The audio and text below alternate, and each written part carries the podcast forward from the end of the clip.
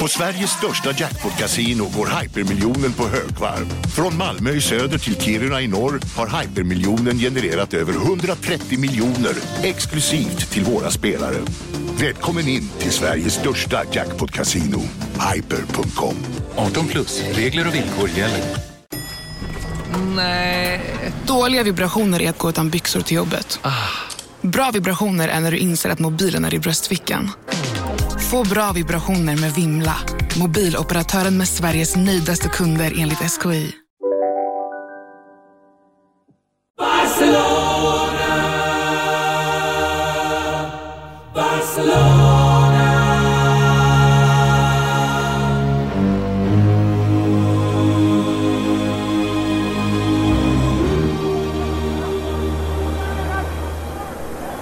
Bra, långt. Patrik Andersson upp och där är Brolin och där är mål! Sveriges första OS-mål och vem om icke Thomas Brolin. Stefan Landberg. Och kurs. Mot honom Asusi. Och där har vi tvåan. Nu är det med Nisse Anderssons OS-landslag. Jag är glad att du frågar. Det är jag faktiskt. Och det är ju lite luddigt för jag märker ju på mig själv att ibland refererar jag till Nisse Anderssons unga gäng som U21-landslaget och ibland pratar jag om det som OS-landslaget. Och här får jag förlåta mig själv, för det var ju både och samtidigt. De spelade ett utdraget U21-EM som samtidigt dubblerade som kvalturnering inför OS i Barcelona sommaren 92. Och det är OS som är liksom grejen i medierna. Det är ingen jävel som refererar till det här som ett U21-landslag mitt i pågående turnering, utan allt handlar om den hägrande OS-platsen. Och för att ta en sådan, då behöver Nisse Anderssons gäng klättra till en semifinal i U21-EM. Ja. Och som sagt, det här är inte då ett komprimerat mästerskap med gruppspel, utan det här är ja, men som en kvalturnering, alltså uppe sträcker sig över flera år. Det är matcher på hösten och sen är matcher på våren, sen är matcher på hösten igen och så vidare. Och till sist är då laget framme vid en avgörande kvartsfinal. I slutet av mars 1992 så möter Nisse Anderssons glada gossar ett holländskt motståndarlag på Värentsvallen i Växjö och ja, vinner de matchen så är de vidare och klara för OS. Och det gör de. Ett gäng med Jonny Rödlund och Thomas Brolin på topp lyckas besegra brorsorna de Boers Holland. Och de satsade en del på det. I möjligaste mån så lånade ju Tommy Svensson ut Thomas Brolin Ja. för att spela de här matcherna. Och han blir utslagsgivande här. Det är han som spelar fram en inhoppande Pascal Simpson som trycker dit det avgörande målet. Pascal Simpson har vi mött, nämnt i den här podden en gång tidigare i alla fall, när vi preciserade att han är den enda landslagsspelare vi haft som är född i Togo. Just det. Men dubbla, ja, kanske till och med trippla medborgarskap. Han hade inte haft ett svenskt pass fram till den här turneringen egentligen, utan vad hade han då gått runt med för ett pass? Inte då togolesiskt. Ja, det var det jag tänkte säga. så, så jävla torrt. Simpson, ska vi säga England? Ja, det är fel, men Ja. ja. pott igen. Irland? Nej, tänk förnamn. Pascal? Nej, tänk inte förnamn. Märker, då, då tänker du helt fel. Nej, men det, Nej, du kommer nog ingenstans här. Tyskt pass Jaha. gick han runt med och det ville han egentligen klamra sig fast vid för hans känsla var att han då skulle kunna komma undan den svenska värnplikten. ja. Men till sist så övertalade Nisse Andersson Pascal Simpson och då fick han väl rycka in i lumpen gissar jag. Men kompensationen blev det här segermålet, den här OS-platsen och för den delen även det vidare avancemanget i U21-EM. ja. Sverige når ju final i U21-EM Det, det har det här gått mig helt förbi Ja. innan jag började läsa detta faktiskt. Nej, det förstår jag. Det Ja, men ändå. Ja. En final i U21. ja, med tanke man på vad U21-EM har genererat för uppmärksamhet på senare år. Visst. Men de gick till final i U21-EM och tyvärr kunde de ju då inte längre ställa upp med ordinarie lag, för det var i stort sett samtidigt som EM skulle börja. Och även om Tommy Svensson hade varit generös med att skicka ner Thomas Brolin så var inte det längre aktuellt. Nej. Men här var ju fast, de hade Brolin och de hade därtill Patrik Andersson och Jocke Björklund som delade rum och som spelade mittbackar ihop och som var helt jävla omutliga. Ja. Och det blev ju tydligare och tydligare för Tommy Svensson att ja, de där killarna, de har nog kanske det som krävs ändå. Ja. Men A-landslaget spelade också matcher under den här tiden, va? Alltså knappt. Det är också yxigt eh, schematekniskt den här förberedelsevåren. För ja, de har den där Australien-turnén då de ja, mest bara åker med de skandinaviskt baserade spelarna. Och sen har de inte en jävla landskamp förrän i slutet av april, alltså nästan hela vägen framme vid EM. Och Tommy Svensson får någonstans lov att försöka jonglera och improvisera. Och det de får fram, det är ju en inofficiell typ av träningslandskamp då Gamla Ullevi ska återinvigas den sista mars. Och då får, ja, då får A-landslaget i alla fall spela. Då får A-landslaget motstånd i form av Göteborgsalliansen. Och det var precis vad det lät som. Det var ett hopkok av Göteborgs... Ja. En glad Glenn Hysén var där och stångade Jaha. runt. Men det är klart att det inte heller var mycket till test. Och det var inte så att han kunde få loss alla utlandsproffs till den här matchen heller. Och I den mån han tog med sig någonting så var det tydligen att han slutligen och definitivt bestämde sig för att Peter Larsson inte var ett alternativ som EM-back. Svensson tyckte att han var ja, men för dålig, eller framförallt kanske för långsam. Han hänger inte riktigt med de snabba spelarna som vi kommer att möta i EM. Men ni märker ju själva, det är en period då han mest bara kasserar back efter back. Det är ingen Peter Larsson, det är ingen Glenn Strömberg, ingen Mats Gren, det är ingen Glenn Hussein. Han hittar inte rätt. Inte ens mot Göteborgsalliansen på Gamla Ullevi. Och även om det var trivsamt att Gamla Ullevi återinvigdes så sågs det någonstans också som ett kvitto på hur djupt den svenska fotbollen hade sjunkit, hur lågt intresset var. Tidigare hade ju någonstans tanken varit att fotbollen skulle vara så attraktiv att Göteborgsklubbarna skulle kunna spela inför välfyllda läktare på nya Ullevi. Men det gick ju inte. Det kom för få. Liksom. 2100 personer på Nya Ullevi, det, Nej. det funkar ju inte. Och mot bakgrund av det sågs då den här återinvigningen som en del av fotbollens downsizing eller för den dramatiska, en spik i fotbollsintressets kista. Tror du Mats Olsson hörde till de dramatiska?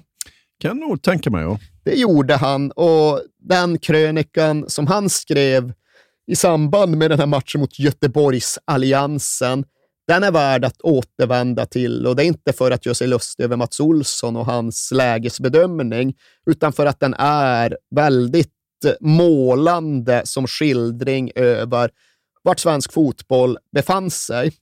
Och nu citerar jag Mats. Fotboll har fortfarande lite av en töntstämpel över sig. Fotboll, en äldre kalhuvad man i rutig keps som gillar dragspel eller Ove Lind och ringer ring så spelar vi och säger att det var bättre förr. Medan hockey, hockey har Los Angeles Kings keps, bomberjacka och kolla MTV 24 timmar om dygnet. Mm.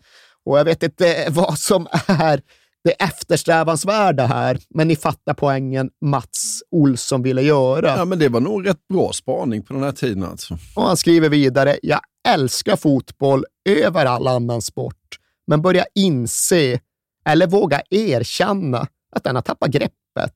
Fotbollen är på väg att begravas i nostalgi och det kan förstås bli ännu värre. Fotboll kan bli lika betydelsefull som bandy. Ja. Och som du nämnde, alltså, det är inte helt uppåt väggarna Nej, skrivet nej. våren 1992. Det var ju ofta jämförelsen gjordes enbart vad gällde de rena publiksiffrorna. Att det var fler som gick på hockey Ja. än på fotboll. Och hur var det Los Angeles Kings keps mot en rutig gubbamössa?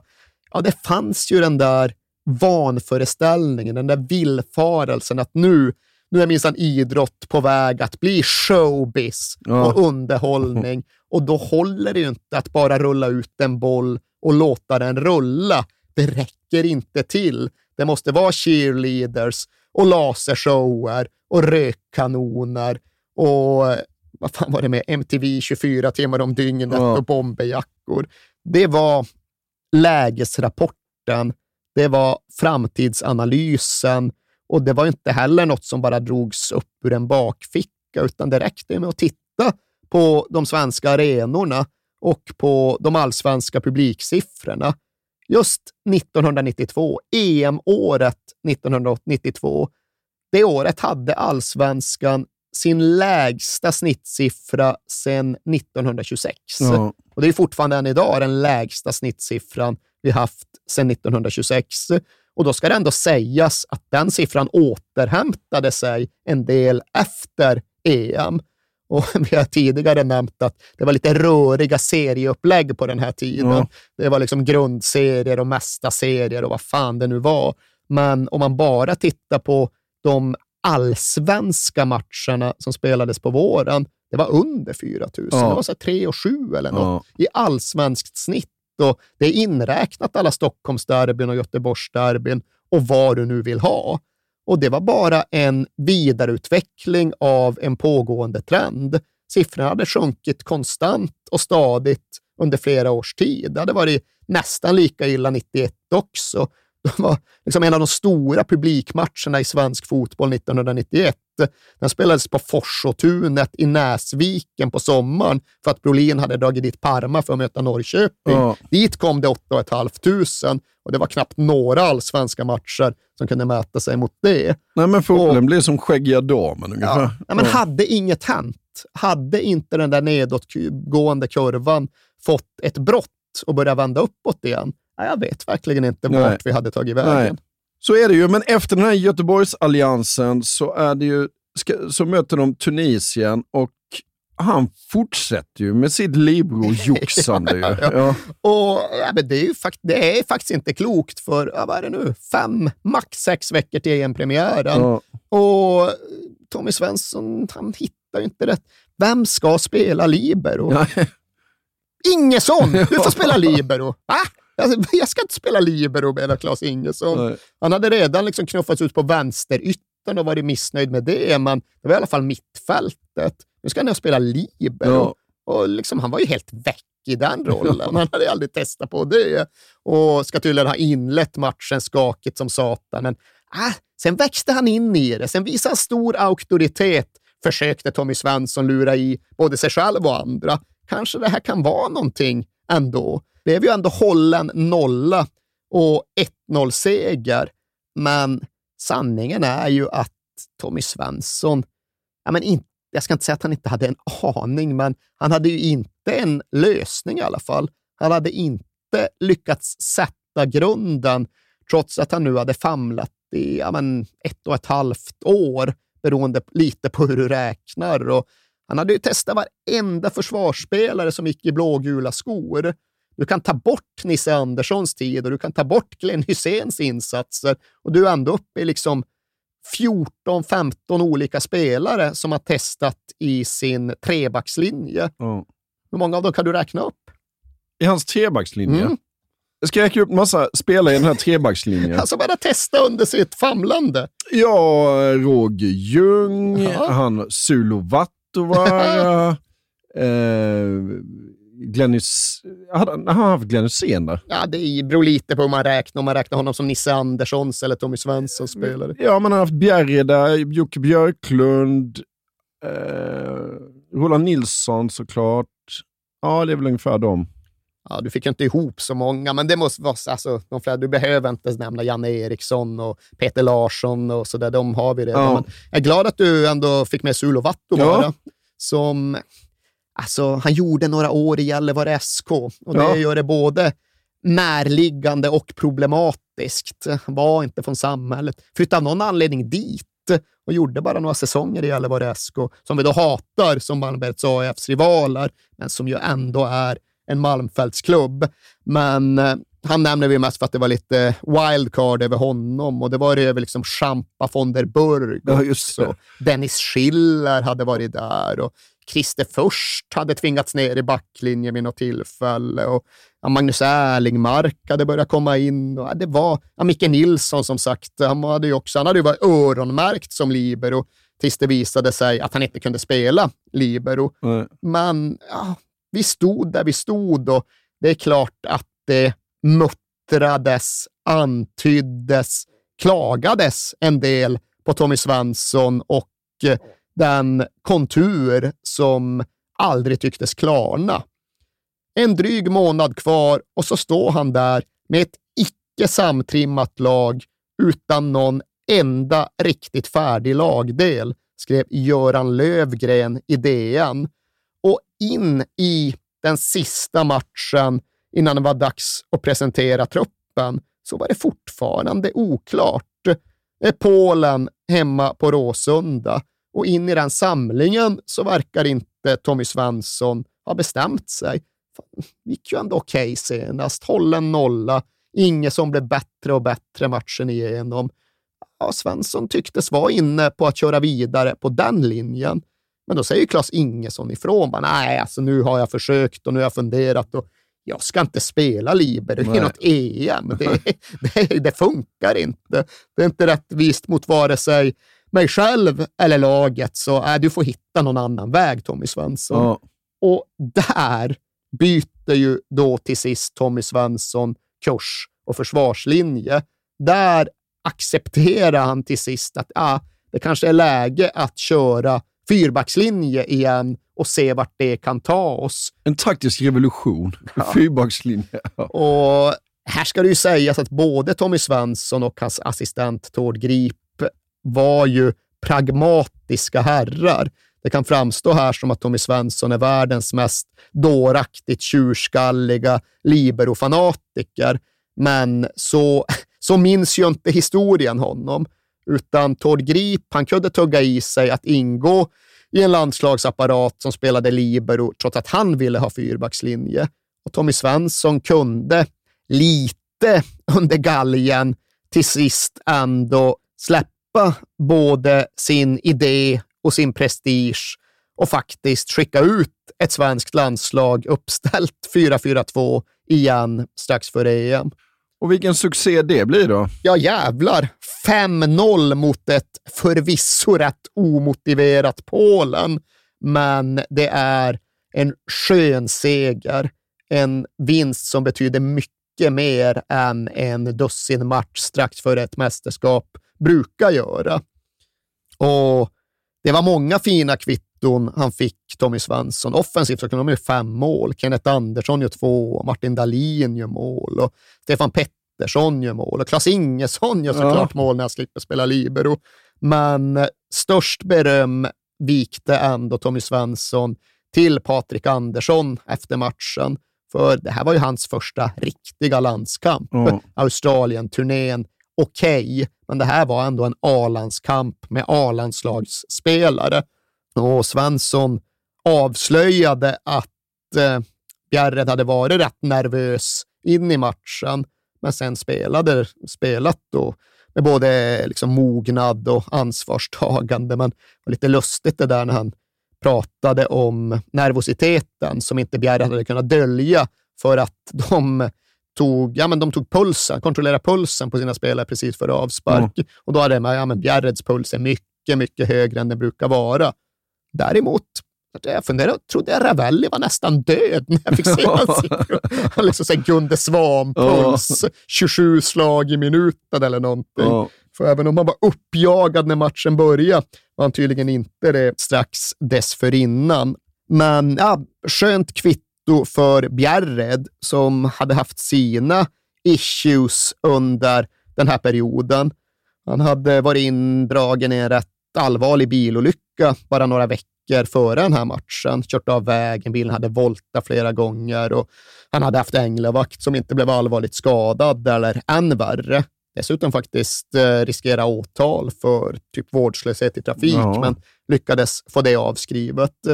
Men det var ju ändå såklart Tommy Svensson som kände den största befrielsen efter den här segern. Och det var inte bara för att det nu var uppenbart att det är klart det ska bli fyrbackslinje, det är så det ska sitta, utan det var kanske framför allt för att han då kände att ja, han visade alla kritiker och belackare och han pratade ganska öppet om det.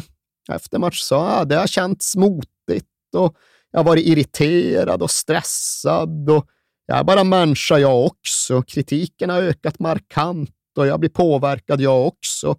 Sen kollar jag och ja, visst, det var kritik och det har varit frågetecken, men det är ju mest det här gnället om att ja, men ska du någon gång sätta ett försvarsspel, ja. människa?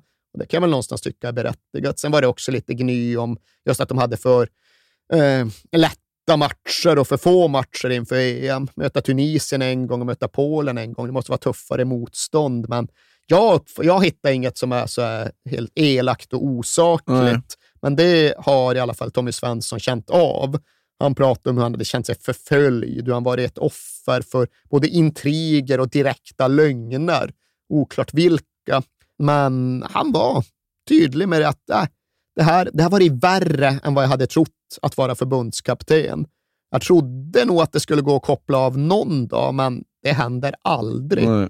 Och som Tommy Svensson själv har berättat så tror han sig ha snittat fyra timmars sömn per natt från ja, men våren 92 och sen hela vägen in över EM-slutspelet. Ja, ja, det är knappt man fattar Nej. hur man fungerar som människa i det läget. Och här ska det också skjutas in att det kanske inte bara var fotbollsfunderingar som höll Tommy Svensson vaken om nätterna. För vet du vad som också hände honom under just den här perioden? Nej. Precis i skarven mellan mars och april så mördades en ung herre som hette Erik Axel Eriksson med fem skott med en 9 mm pistol på Hovs skolväg i Växjö. Och på Hovs skolväg i Växjö, där bodde Tommy Svensson. Aha. Och den här Erik Axel Eriksson, det var hans granne. De hade bott precis över och under varandra. Och Tommy Svensson brukade byta några ord med honom. Också en idrottsgrabb, mycket trevlig sådär. Och han hade då skjutits ihjäl, ja det var vid 23-tiden en kväll. Och Tommy Svensson konstaterade att ja, precis just den tiden som jag själv brukade komma hem till den här bostaden.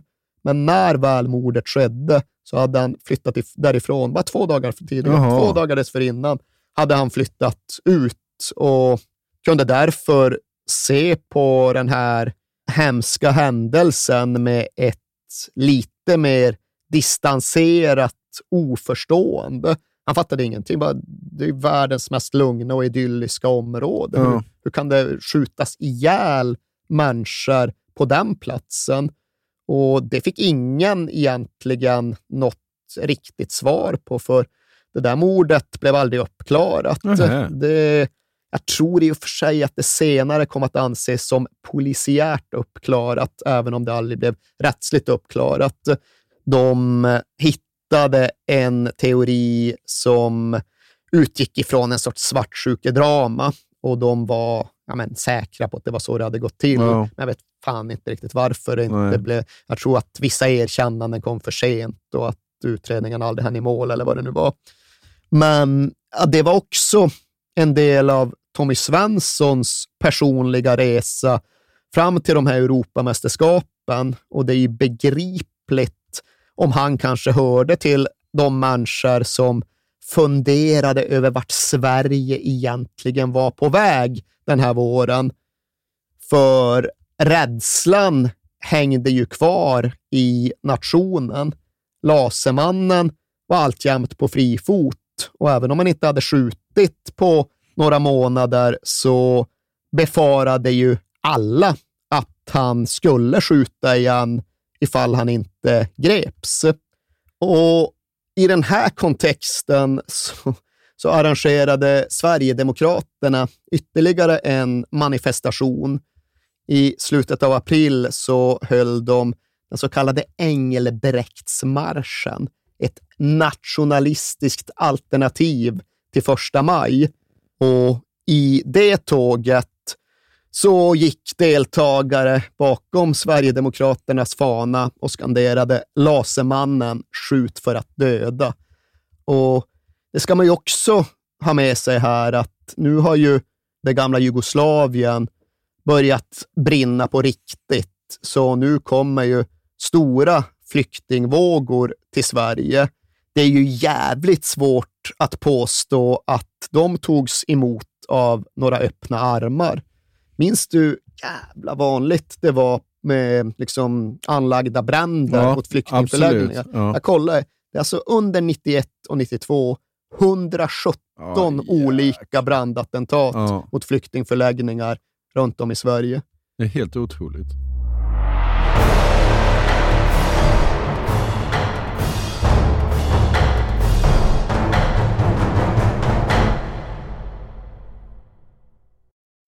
Jag vill inleda med att säga att det är garanterad jackpot på 13 miljoner på Stryktipset. Och fy fasen. Ja. Ja, visst. Skulle du behöva 13 miljoner eller? det skulle jag verkligen. Men vi måste säga först att vi är ju sponsrade av Stryktipset. Ett spel från Svenska Spel, Sport och Casino för dig över 18 år. Yes, och stödlinjen.se finns där för dig om du har problem med ditt spelande. Nej, men 13 miljoner jackpot på Stryktipset, det är ju inte fel. Nej, då är det faktiskt dags att ladda en rejäl rad här känns det som. Mhm. Vet du vad som inte heller är fel? Nej, Födelsedagsfirandet och alla härliga Mm. historier vi får in. exakt. Mm. För vi är ju mitt inne i Stryktipsets 90-årsfirande som vi firar med att läsa upp fantastiska historier från våra lyssnare. Yes. Som skickar in dem till kings at perfectdaymedia.se. Precis, bomba på nu. Det är åtta månader kvar på det här firandet, så att, eh, vi kör nu. Mycket Stryktipshistorier vill vi ha. Mm. Och i dagens har vi fått från Peter som skriver så här. Hej på er och tack för en helt otrolig podcast. Den har räddat mina veckor i snart fyra år. Tack så mycket Peter. Min historia är ganska färsk, men den om när det vände på stopptid gav kanske inte de största pengarna, men känslan i mig består. Jag spelar ofta för lite mindre pengar på Stryket, följer fotbollen men är långt ifrån en nörd. Och allt såg väldigt bra ut senast, förutom på min etta på Manchester United mot Brentford. Var ändå väldigt, eh, var ändå väldigt nöjd med hur resten satt. Men på stopptid satte min nya favoritspelare, skotten McTominay, två mål och vändningen fullbordades. 64 rader blev 12 000 kronor. Tack för en bra Det är podd. otroligt. Ja. Tack för en bra historia Peter. Ja, och som man älskar Scott McTominay. Gör man inte det? Ja, det- gör man faktiskt. Han liksom kommer in i straffområdet jävligt bra faktiskt. Mm. Vi säger stort tack till våra vänner på Stryktipset. Tack.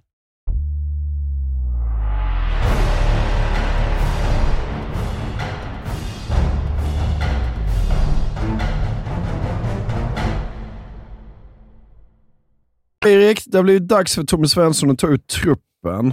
Och hur ser den ut? Ja, alltså, han blir ju lite bakbunden innan han riktigt hinner dit. För en sak som vi inte har nämnt så mycket om hittills, det är ju att det fanns en strid om vilka som skulle spela längst fram. Thomas Brolin, såklart given. Han går jättebra nere i Italien och han driver Parma till vinst i Coppa Italia, klubbens första titel någonsin. Och han både spelar bra och mår bra, men bredvid honom då?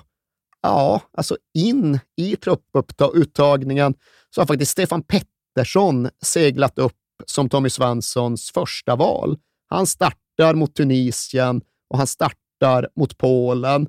Och han har tidigare haft det mycket trögare i landslaget än i Ajax, men det går liksom inte att blunda för hur bra han spelar nere i Amsterdam, hur viktig han är för ett väldigt skickligt Ajax-lag. De går ju hela vägen fram till Uefa-cupfinal mot Torino och där är det Stefan Pettersson som leder laget, som i förlängningen avgör hela finalen. För han gör bortamål nere i Turin. Det blir avgörande. Torino lyckas inte göra mål i returen, trots att de har tre bollar i virket. Och Torino blir ju rätt frustrerade av detta. Och den där sista bollen träffar ramen precis när stopptiden börjar. Då är det som att de ger upp och frustrationen tar över istället. Och de har en back som heter Policano som bara bestämmer sig för att ta ut sin ilska på Pettersson. Ja. Stefan Pettersson täcker bollen nere vid hörnflaggan. Han bara sparkar ner honom bakifrån och fortsätter. Sen fullföljer både två och tre sparkar mot Pettersson. Han är på väg ner mot gräset. Och det blir inget bra. Stefan Pettersson blir svårt skadad. Han ligger liksom och sparkar spastiskt med benen av smärta och liksom följer ett fem minuter långt slagsmål omedelbart på det här överfallet. Men Pettersson skickas ju iväg till sjukhus direkt och farhågan är att armen är bruten på både ett och två ställen. Nu visar det sig inte vara så, utan armen är ur led tror jag, men lika fullt så är det gips i sex veckor och omöjligt att spela EM. Stefan Pettersson tvingas ringa till Tommy Svensson och förklara att han inte längre är uttagningsbar. Och jag tror det är samma dag som Tommy Svensson även får ta emot ett samtal från Mats Gren, som visserligen knappast är aktuell för startelvan längre, men som definitivt ändå hade ingått i truppen. Och han låter då meddela att han ska operera menisken, så han är också borta. Så här får Tommy Svensson tänka om lite snabbt. Tar in unga, mångsidiga Magnus Erlingmark, då i Örebro Sport, som ersättare till Mats Gren. Och tar in jokern Jocke Nilsson från Sporting Gijon istället för Stefan Pettersson. Och det är ju det som händer med själva truppen. Det är där överraskningarna kommer. Jocke Nilsson är väl någon typ av bomb, Ja. för att prata mediespråk. Sen var det väl uppriktigt sagt så att det var inte så värst mycket intresse och uppståndelse runt de här sista reservspelarna som kallades in, utan det det funderades mest runt, det var ju storspelarnas, proffsspelarnas form och status. Och kanske framför allt då vad som egentligen skulle hända längst fram på topp bredvid Brolin. Nu då när Stefan Pettersson föll ifrån, för där fanns Kenneth Andersson, absolut, och där fanns Martin Dahlin, ja visst, men båda var i helt horribelt usla situationer i sina respektive proffsklubbar. Kenneth Andersson tillhörde belgiska Mechelen, fick inte spela överhuvudtaget och med en dryg månad kvar till EM försökte han och hans agent Vincenzo Morabito i desperation få till ett korttidslån med IFK Norrköping bara för att han skulle få någon speltid. Och som Morabito var ute och redogjorde, jag skällde ut Mechelens tränare. Han klarar inte av att hantera en fotbollsbegåvning som Kenneth Andersson. De säger bara att han är oteknisk och inte någon bra forward. Men sen var det någonting med att det var inte Mechelen som ägde Kenneth Andersson, det var Mechelens president som ägde Ja. Kenneth Andersson. Och trots att det aviserades som klart, IFK Norrköpings klubbdirektör var ute och sa att men det är klart med Kenneth. Han ska lira för oss mot Västra Frölunda i början av maj. Så var det sen något som skar sig i relation till den här presidenten med ägarmandatet. Så Kenneth Anderssons lån till Norrköping, ja, det fick vänta ett år. Ja, det. blev först Ja. 1993.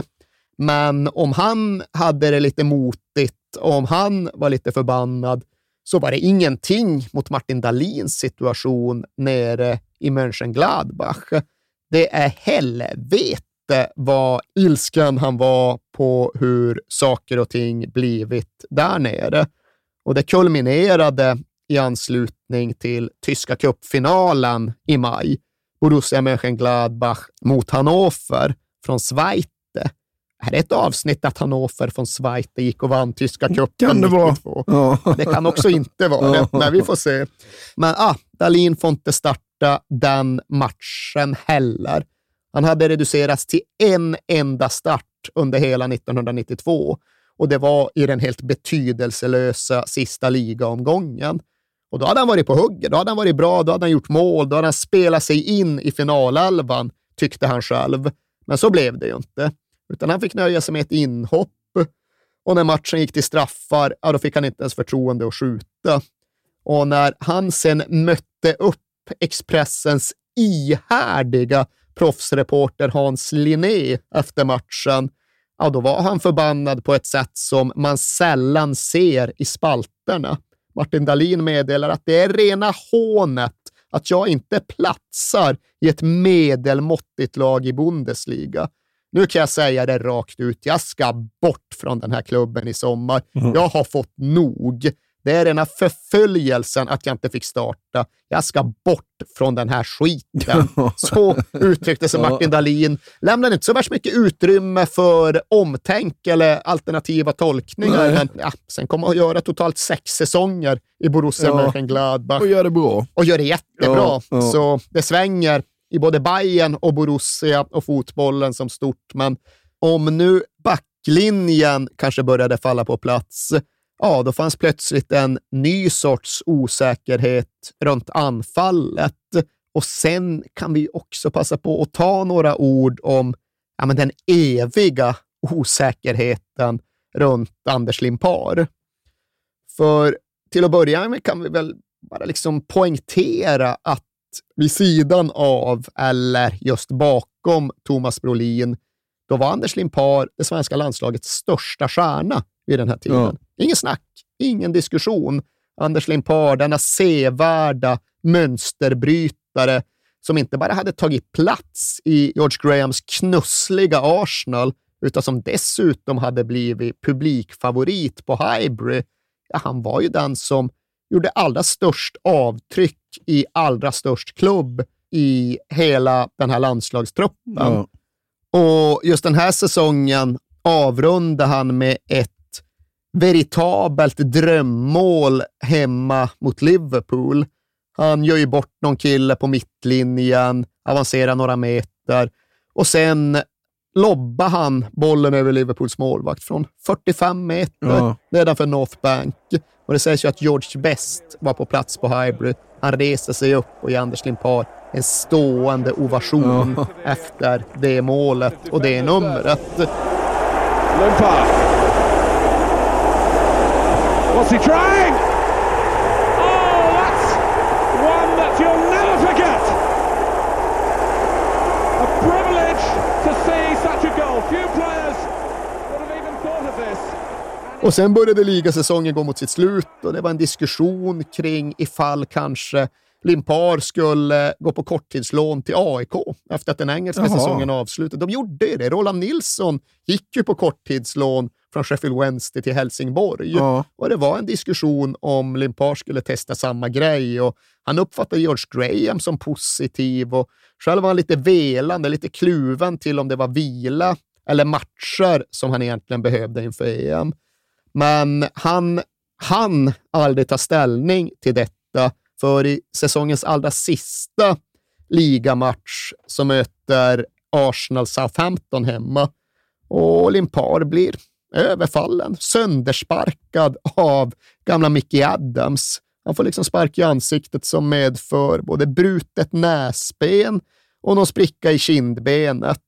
Och till sak hör också att det hade redan hänt en gång den där säsongen. Han hade blivit sparkad i ansiktet mot Luton på annan dagen också. Och då hade han fått spricka i käkbenet och tre tänder utslagna och varit borta fem veckor. Ja. Och Tommy Svensson tog ju det här skadebeskedet som ett klubbslag i nacken. En av de absolut bästa och viktigaste spelarna som tycktes ha varit i förträfflig form. Ja, nu var allt osäkert. Ja. Skulle han ens hinna tillbaka? Skulle han spela med mask? Hur skulle det där gå? Och kanske var oron befogad trots att den var obefogad. För själva skadan visade sig inte vara så allvarlig och svårläkt som befarat.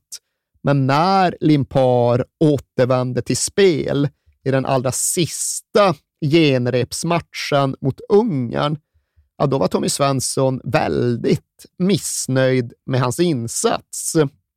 För ja, matchen som helhet var väl okej. Brolin jättebra, dukade för Stefan Schwarz två gånger Ja, om. det. Den ovana målskytten Stefan Ja. Schwarz, som nu till sist var tillbaka i landslaget.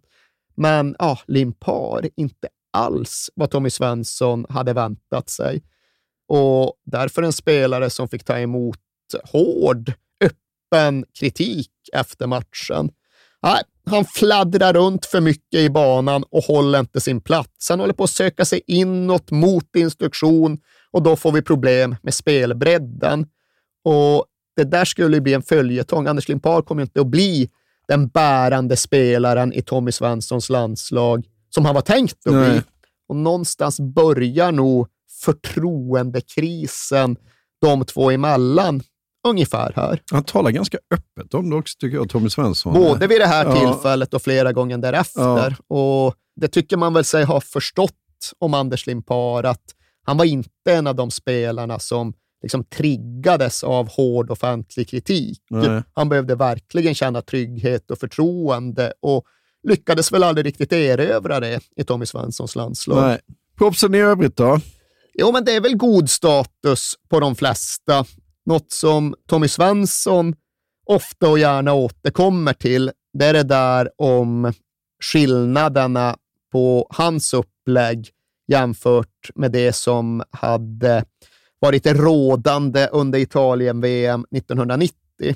De rapporter han hade fått och den utvärdering han hade gjort gjorde gällande att spelartruppen helt enkelt hade piskats för hårt i samband med VM 90. Det var så två pass om dagen. Ja, mycket, sånt. Mycket fys. Liksom. Ja. ja, men Svensson drog slutsatsen att proffsen saknade spelglädje och var helt enkelt utbrända. Och det han gjorde var att han inledde något samarbete med GH-professorn Björn Ekblom som fick ansvar för att både utforma och sen följa upp individuella träningsprogram. Han höll koll på spelarnas belastningsnivåer i sina respektive proffsmiljöer. Han fick liksom ringa ner till Svennis och säga åt honom att bromsa Stefan Schwarz, för han liksom överdriver sitt kondition, han överutnyttjar sitt konditionsprogram. Mm. Men ja, som helhet utgick det här landslaget från att när det närmade sig EM så var det en mycket större risk med att träna för hårt än det var med att träna för lite. Och även på mer individuell nivå så gjordes det upp med en del gamla skelett från just 1990. Jonas Tern, härföraren Jonas Tern, han hade känt sig väldigt utpekad av Olle Nordin efter VM 90. Han uppfattade det som att Nordin mer eller mindre skyllde på honom. Ja, vi var dåliga för att Tern inte kom upp i nivå. Och det tycktes ha medfört att Tern till en början inte var så där jätteentusiastisk inför landslagsspel på andra sidan. Men ja, sen hade han snackat ut med Olle Nordin och sen hade han ju fått förtroende av Tommy Svensson också. Sen hade han hittat rätt både med sin kropp och med sin karriär på ett sätt som innebar att men Jonas Tern var redo. Han blev klar för Napoli precis före EM. Här. Ja. Nu ska vi ner och ersätta Diego Maradona. Men därtill hade han också blivit kvitt sina efterhängsna ljumskbesvär. Varit uppe hos massören Kent Lindgren i Sundsvall och kommit i EM-skick. Så den brickan och den pusselbiten satt fint på plats när det nu var dags att ta sig an själva EM-slutspelet.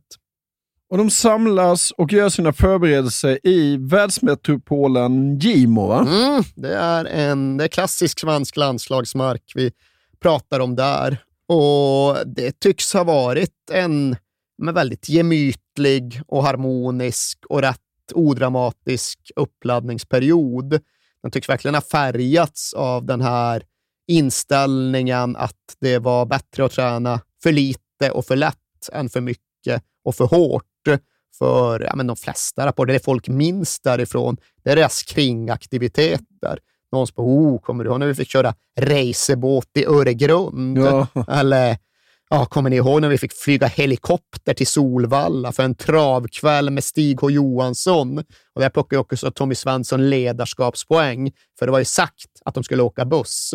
Och sen när det närmade sig plötsligt, förresten killar, har fixat fram ett alternativt färdmedel. Ja. Så det gillade folk. Ja.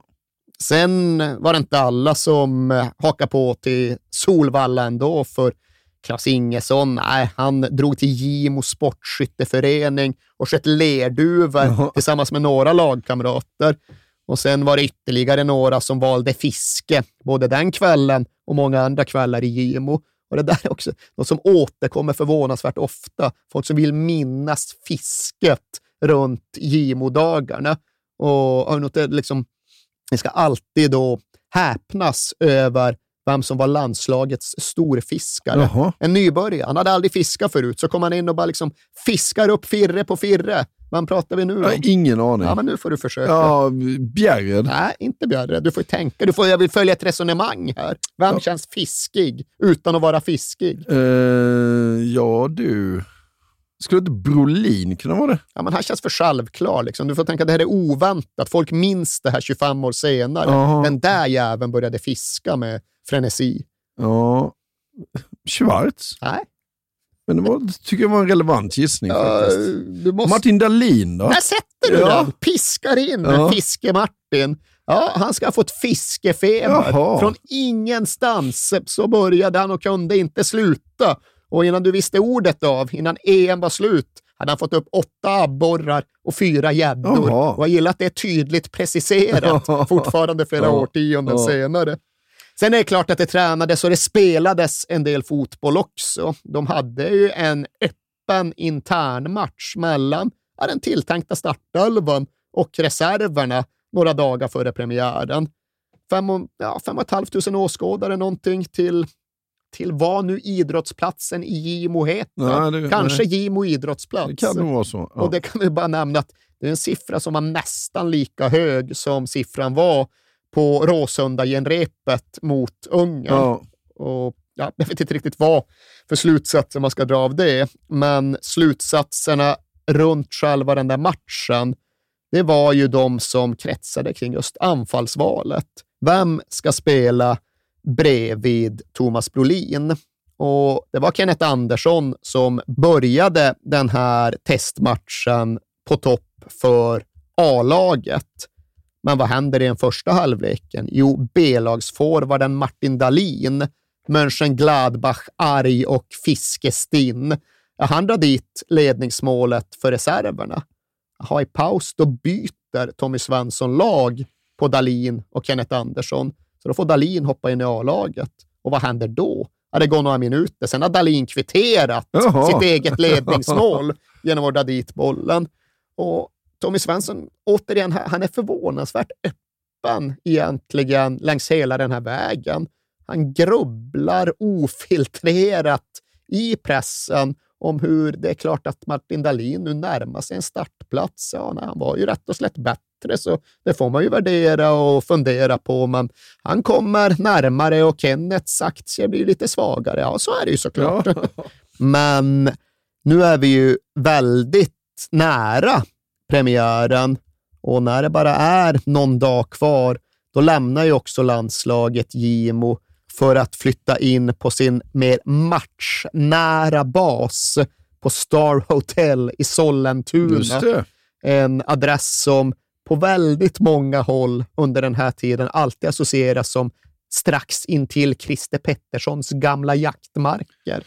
Som den grävande journalist jag är och med tanke på att jag bor i Sollentuna så har jag naturligtvis varit kollat var Star Hotel ligger. Mycket glädjande, Ja. berätta allt. Nej, men det är det här stora hotellet som faktiskt ligger vid Sollentuna centrum. Eh, men det som sticker ut lite grann är ju att det ligger bara typ 200 meter från Malmvägen. Mm, där har jag varit en del, som den grävande journalist jag Ja, är. och Malmvägen är känd för Ja, det är utsatt, utsatt stadsdel får man väl beskriva ja, en det av som. de här 24 stadsdelarna i Sverige som är mest utsatta. Så att, ja, det, jag hoppas de inte sprang där på nätterna för mycket. Det kanske såg annorlunda ut 1992 i och för sig. Ja, Jag hoppas att de kom i kontakt med Malmvägen, men visst, det är ju ingen avskild lantlig herrgårdsmiljö, utan det är ju, det är ju storstadsbetongen. Det är betong, ja. ja. Och det är väl på så sätt ett lite märkligt val.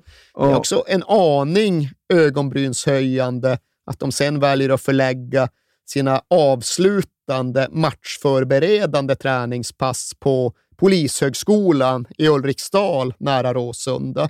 Och det är väl egentligen mest bara iögonfallande för att det är just en polishögskola. Ja. Höga stängsel och därför medialt tacksamt att göra rubriker på hur de liksom stänger in sig och slipar hemligheter långt bortom alla vakande, spionerande ögon. Ja. Och saken är väl att just den här gången fanns det visst fog för sådana rubriker och sådant språkbruk, för det var ju det de gjorde.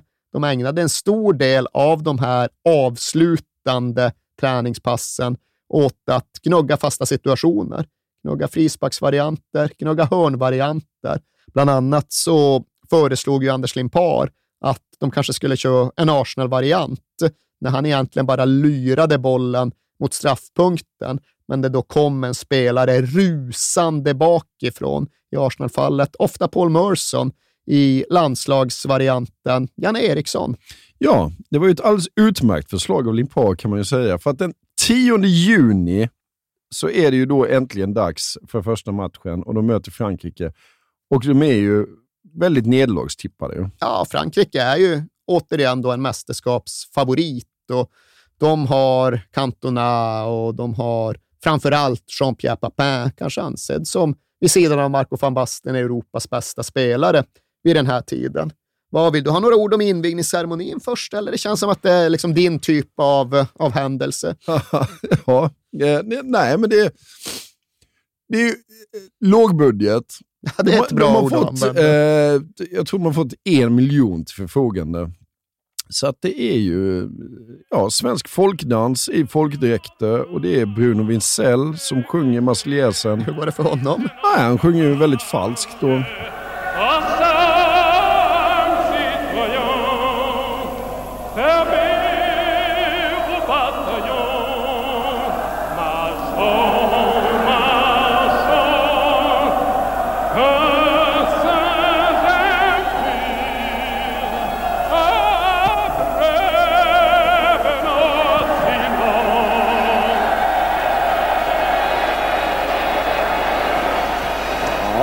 inte så alldeles lätt att hålla tonerna helt rena när man eh, ackompanjeras av 27 000 skriande åskådare samtidigt som man hör musiken på lite avstånd. Det är tydligen så att han har haft stämbandskatarr och ätit kortison frenetiskt för att bli kvitt den. Ja, Men jag vet inte, är det liksom storhet eller dårskap att gå in i det uppdraget trots att han då vet med sig att han inte har fått bukt med sin stämbandskatarr? nej, det, jag, jag, jag tycker det är storhet faktiskt. Jag tycker ja, nej, men det, det är snyggt gjort av Bruno ändå. Fast han vet att det här kan gå åt helvete. Liksom. Han skämmer ut nationen, men tar den ändå för nationen på Ja, något och sätt. detta har ju jag faktiskt lagt ut på Instagram tidigare. Vi har varit där. Ja, så man hör ju detta att det här är ingen bra kväll för Bruno. Vi ägnar ju inte så stor uppmärksamhet i de här programmen åt själva mästerskapet, åt liksom OSS-matcher i Norrköping eller för den delen den danska sagan och den jugoslaviska idrottstragiken. För ja, det har vi ju redan pratat om i avsnitten om Danmark 92 som ni hittar där i backkatalogsarkivet. Ja. Och sen ska man väl också säga så här att det är lågbudget på, på invigning. Vem- bryr sig om en invigning egentligen? alldeles för många Ja. nu för tiden. Ja. Och det är väl bara utifrån just den situationen som ändå kontrasten är lite slående när man jämför. Ja. Ska du säga några ord om, det, om eh, turneringens maskot också? Eller? Ja, den har jag inte riktigt koll på faktiskt. Har du inte det? Nej. Det är Men äh, de sjunger ju den här More than game också. Ja, det är den här, klart de Den gör. fina More than game. Ja, men I dina ögon underskattade ja precis. Nej, men maskoten det är ju kaninen Bernie. Det ser ut som eh, så serietidningskanin. Stora öron, pannband, fotbollsdräkt. Lågbudget skulle vissa, skulle vissa beskriva det som. Ja. Matchen då? Alltså, Sverige är ju jättebra. Sverige är verkligen jättebra. Sverige ser ut som allt annat än ett lag som famlat efter både formation och spelmodell och för den delen enskilda spelarval under två års tid. Utan Sverige ser ju färdigt ut. Sverige ser komplett ut och Sverige är den där typen av lag där vartenda frågetecken blir ett utropstecken. Och det ska ju sägas att de största frågetecknen in i matchen, de fanns ju över de unga, oerfarna försvarsspelarna. Patrik Andersson och Jocke Björklund, de bildar ju inte mittlås. Nej. För det kan man ju bara vid liksom laget Hasse Ravelli i mål då såklart, Roland Nilsson högerback. Sen är det Janne Eriksson och Bjärred Andersson som mittbackar och Jocke Björklund till vänster. Och sen då mittfält, ja men Ingesson, Tern, Schwarz, Limpar och så Brolin och Kenneth Andersson på topp. Ja. Men just den då Jocke Björklund och Patrik Andersson som utgör vänsterhalvan av försvaret. De har alltså fyra landskamper var in i EM och ett par av dem var de här bluffmatcherna i Australien. De är oprövade och de ska möta Cantona och Papin. Ja. Och det hinner bara gå några minuter och sen blir det någon sorts löpduell mellan Papin och Björklund. Och Claes Ingesson ser till sin fasa att liksom Björklund verkar, han verkar krokna i löpduellen. Han tappar tempo. Papin är på väg att dra iväg och han tänker, vad, vad händer? Vad är det nu som håller på att ske? Och sen växlar Jocke Björklund upp och kommer in i duellen med högsta tänkbara hastighet när han väl gör, genomför glidtacklingen. Och sen reser han sig upp, kollar på Ingesson och garvar. Och Ingesson bara, alltså den jäveln gör det med flit. Han bromsar in för att han vet att han är så mycket snabbare att han kan släppa några meter och sen maxa löpningen in i tacklingen. Och sen gör han precis det och reser sig upp och garvar några minuter in i EM-premiären på hemmaplan. Ja. Ah, the kid'll be alright. Ja. Grabben kommer nog klara det här. Och om nu de unga försvarsspelarna skulle klara av det här, ja, vad återstod det då för frågetecken? Ja, Om något så var det väl Anders Limpar som hade gjort Tommy Svensson så besviken i den föregående landskampen, som hade ryktet om sig att vara en humörspelare och som hade varit stissig in i matchen. Han hade enligt egen utsago varit så laddad att jag nästan började grina. Så nervös i början att jag inte visste var jag var på planen. Och för Limpar så multiplicerades väl hela matchupplevelsen av att den spelades hemma på mammas gata, på gräsplanen som hans brorsa bokstavligt talat klippte. Det var ju hans brorsa som var planskötare på Råsunda Jaha. och Limpar hade såklart hela släkten i publiken. Hela grannskapet var hans. Han var uppvuxen på Klippgatan i Solna, några få hundra meter från Råsunda. Men han kom in rätt i den här matchen och han utmanade Angloma och han fick fram bollarna och han fick igenom dribblingarna. Och när Limpar fick den typen av start på en match, ja, då kunde han vara mer eller mindre unplayable, mer eller mindre ostoppbar. Och det fanns också något signifikant att det är han och hans hörnvariant som ger det här klassiska svenska ledningsmålet. Ögonblicket då vår landslagsfotboll, vår fotboll någonstans skjuter fart igen. Han hissar handen och han lyrar därefter bollen mot straffpunkten på precis det sätt som är överenskommet med Janne Eriksson.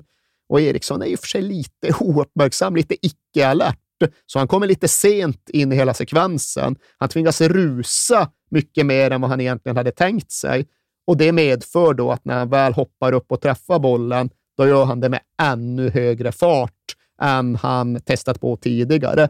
Ergo ännu mer svung i nicken, ännu bättre dask när bollen träffar nätet, när både Råsunda och en nation jublar när Sverige har gjort 1-0 mot förhandsfavoriterna från Frankrike. Alltså när man kollar noga på det så är det, det, är, ju- det är otroligt vad ouppmärksamma Frankrike Ja, är de. För, för att han springer han måste springa 15 meter och det är ingen som reagerar. Han springer förbi, förbi Deschamps. Deschamps bara, oj, där kommer en spelare springande, gör ingenting. Jag fattar inte ens jag fattar inte om de försöker spela zon eller om de spelar man-man. Oavsett vilket så är det obegripligt. Ja. För att spela om man-man kan de inte bara släppa den där försvarsspelaren som löper in. Och spela om zon kan de inte bara överge en fem gånger fem meter stor zon Nej. runt straffpunkten. Så nej, det är svårbegripligt, men det är ett estetiskt jävligt maxat nickmål. Ruggigt fint är det. Ja. Det känns ju i hela kroppen Ja, ja, till och med när man tittar på det. Och det kändes ju såklart dubbelt för Janne Eriksson också av lite omvända anledningen jämfört med Limpar. För Anders Limpar så kändes det så starkt för att han fick göra det hemma hos sig själv framför nära och kära och de sina. Janne Eriksson, han fick ju göra det på den plats där han inte längre var välkommen, där han till vardags var avskydd. För han hade ju upprört AIK så extremt mycket när han lämnade klubben för IFK Norrköping ett par år tidigare. AIK hade ansträngt sig och erbjudit det bästa kontraktet de någonsin hade erbjudit någon och Janne Eriksson nobbade ändå. Och för AIK hette det ju att han gick för pengarna och för Janne Eriksson själv hette det att han gick för de sportsliga ambitionerna. Men gick gjorde han. Var det den övergången som kostade 7 miljoner? Eller? Ja, kanske det var. För att jag tror att, om jag nämnt Mats Olsson tidigare, så beskrev han det som att 7 miljoner för Janne Eriksson, är det för en miljon för varje kick han klarar av när han ska latcha med bollen? Han var vass på den tiden, den jäveln. Ja, det lät högt på den tiden, men det var, tror jag, den största övergångssumman någonsin. Så det var förmodligen de siffrorna Ja. det handlade om. Och, alltså, extremt upppiskat runt honom och runt den övergången. Och under flera års tid kändes det i alla fall som, så såg jag alltid en och samma banderoll på Råsunda när jag gick dit. Svikar-Janne Ja. hängde stort som satan. Jag vet att den banderollen hängde på Sverige-Jugoslavien-matchen. Fan vet om den inte var kvar på den här premiären också. Ja. För det är möjligt att EM-arrangemanget hade sett till att den togs ner. Ja. Men här var han svikar-Janne och det är ju faktiskt fortfarande. Och det, alltså, jag kan tillåta mig att bli road. Jag, kan också. tillåta jag mig det är att lite roligt. det är lite kul Ja. med den långsintheten, att trots att han faktiskt återvände till AIK, han återvände och spelade för AIK, så blev han ändå aldrig förlåten. Och bara här om året så fick ju Gnaget för sig att Janne Eriksson skulle bli en av de här fanbärarna som de håller sig med vid hemmamatcher. De dammar av någon gammal hjälte ur klubbhistorien som får bara bära in AIK-fanan och liksom sätta tonen för matchen. Och just den här dagen så skulle det vara Janne Eriksson. Och de kunde inte genomföra det arrangemanget. Det väckte så starka ilskna känslor att de fick boka av Janne Eriksson 25-30 år efter den där övergången. Jag kan också roas av det faktiskt. Det, det, finns, det finns något vackert i den ja, nästan småaktiga långsintheten som jag absolut tycker att vi kan tillåta oss att uppskatta. Ja. Men de vinner ju inte. De vinner inte lite mot spelrytmen så hittar ju Frankrike ja, men ett läge. Det är egentligen det de har. Sverige är bättre. Sverige driver matchen, men vid ett läge så fångar inte riktigt försvarslinjen in Jean-Pierre Papins båglöpning ute på den högra kanten. Och de hävdar ju än idag att det var offside. Ja. De, han är offside Ja. och det går inte riktigt att bedöma utifrån de kameravinklar Nej, jag som har finns. inte tänkt på det Det finns ju inga VAR-linjer direkt. Men backlinjen hade inget misstag. Vi ställer honom offside och sen vinkar inte domaren. Det är hans misstag, det är inte vårt misstag. Men oavsett vilket, kommer Papin loss, får han en halvchans, dunk, halvvolley med utsidan i Ravellis bortre gavel. Jävla klass på det målet. Det är rätt stor övertygelse bakom det Ja, avslutet. det har jag också lagt ut på Instagram, så det behöver jag inte Ja, göra. du, varför Ja. det? Nej, men jag gjorde det när, när vi hyllade Pampin. Jag tror Ja, Marseille-avsnitten. Ja, precis. Ja, vi kan ju Ja. återigen bara nämna det som vi försöker skjuta in i varje avsnitt, att för de som inte vet det så lägger vi ju ut bild och bonusmaterial på Instagramkontot www.k podcast. Och för de som är intresserade, hugade spekulanter så kommer det ju torsdagen efter varje avsnitt en unik tröja som summerar historien vi har berättat på www.merch.se.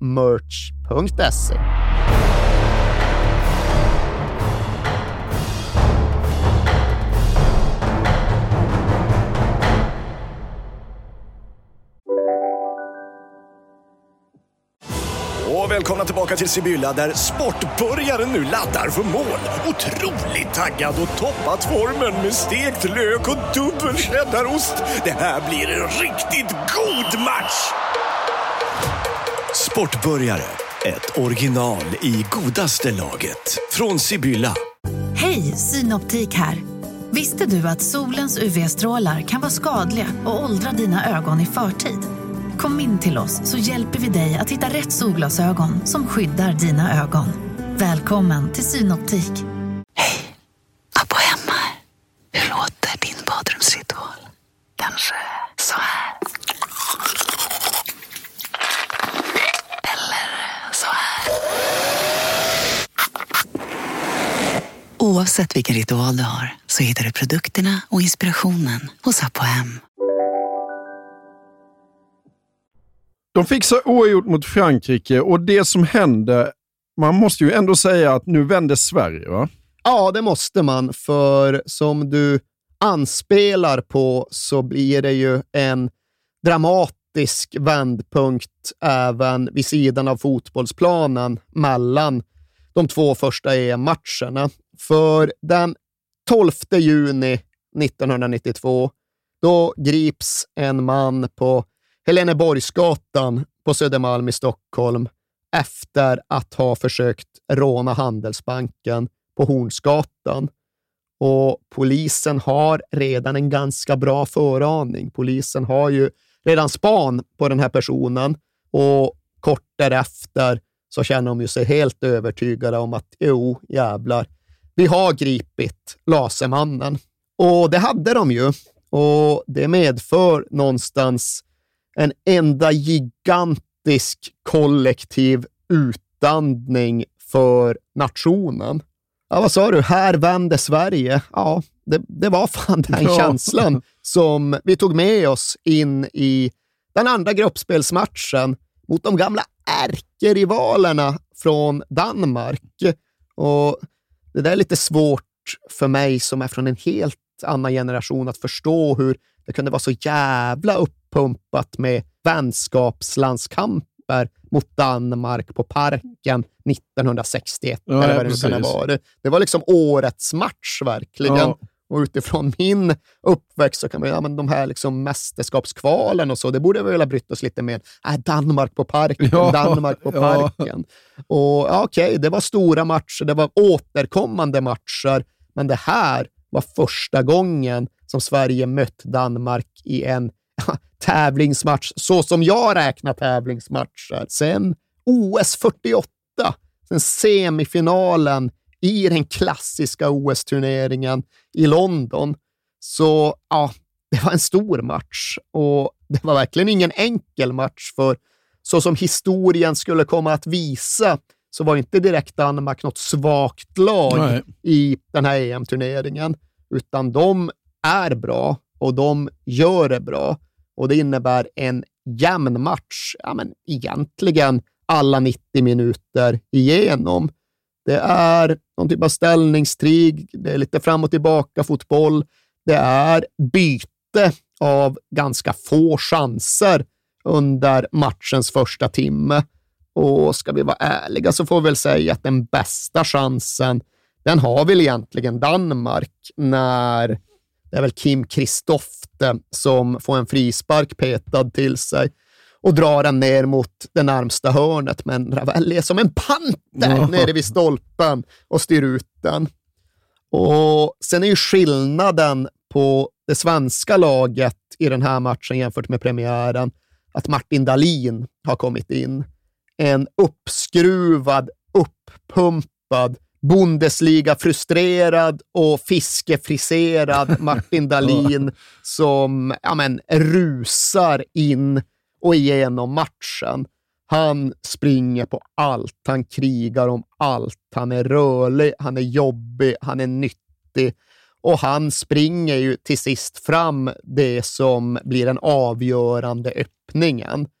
Löper loss ute på högerkanten, får in inspelet, hopslag med dansk, boll vidare till Brolin som uppfattar situationen och ställer om jäkligt snabbt Ja. och lyckas få till den där lilla stöten bara, ja. precis vid Schmeichels närmsta stolpe.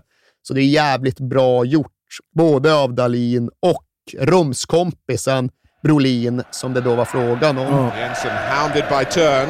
Darlin involved. Turn. Lovely ball. Martin Darlin is fleet of foot. Schwartz getting into the centre. And Brolin! 13 minutes into the second half. And the golden boy of Swedish football has provided a golden moment for the host nation. Look at Darlene. Det är ja, men ett litet improvisatoriskt mästerverk av Brolin att lyckas ställa om kroppen så snabbt och uppfatta exakt vad han behöver göra. Ja. Och han var lite extra glad efteråt för föräldrarna hade ju bussat ner 40 pers från Hudiksvall för just den här matchen. Och kul att de fick se ett mål, men det borde ju ha varit ett till. För när sen Danmark börjar forcera mot slutet av matchen, ja, då får de fram en del öppningar. Men Sverige i omställningarna får ju fram ännu fler, ännu bättre och framför allt då det här läget, ja, men då Brolin egentligen får öppet mål, Ja. men får för sig att hålla i ett moment till och då blockeras skottet bort. Och hade inte Sverige vunnit hade aldrig Brolin förlåtit sig själv. Nej. Men nu vinner Sverige. Nu besegrar vi dansken igen, precis som vi gjorde 1948. Och, och nu börjar det bli, bli verkligt lyft i den nationella EM-ballongen. Ja.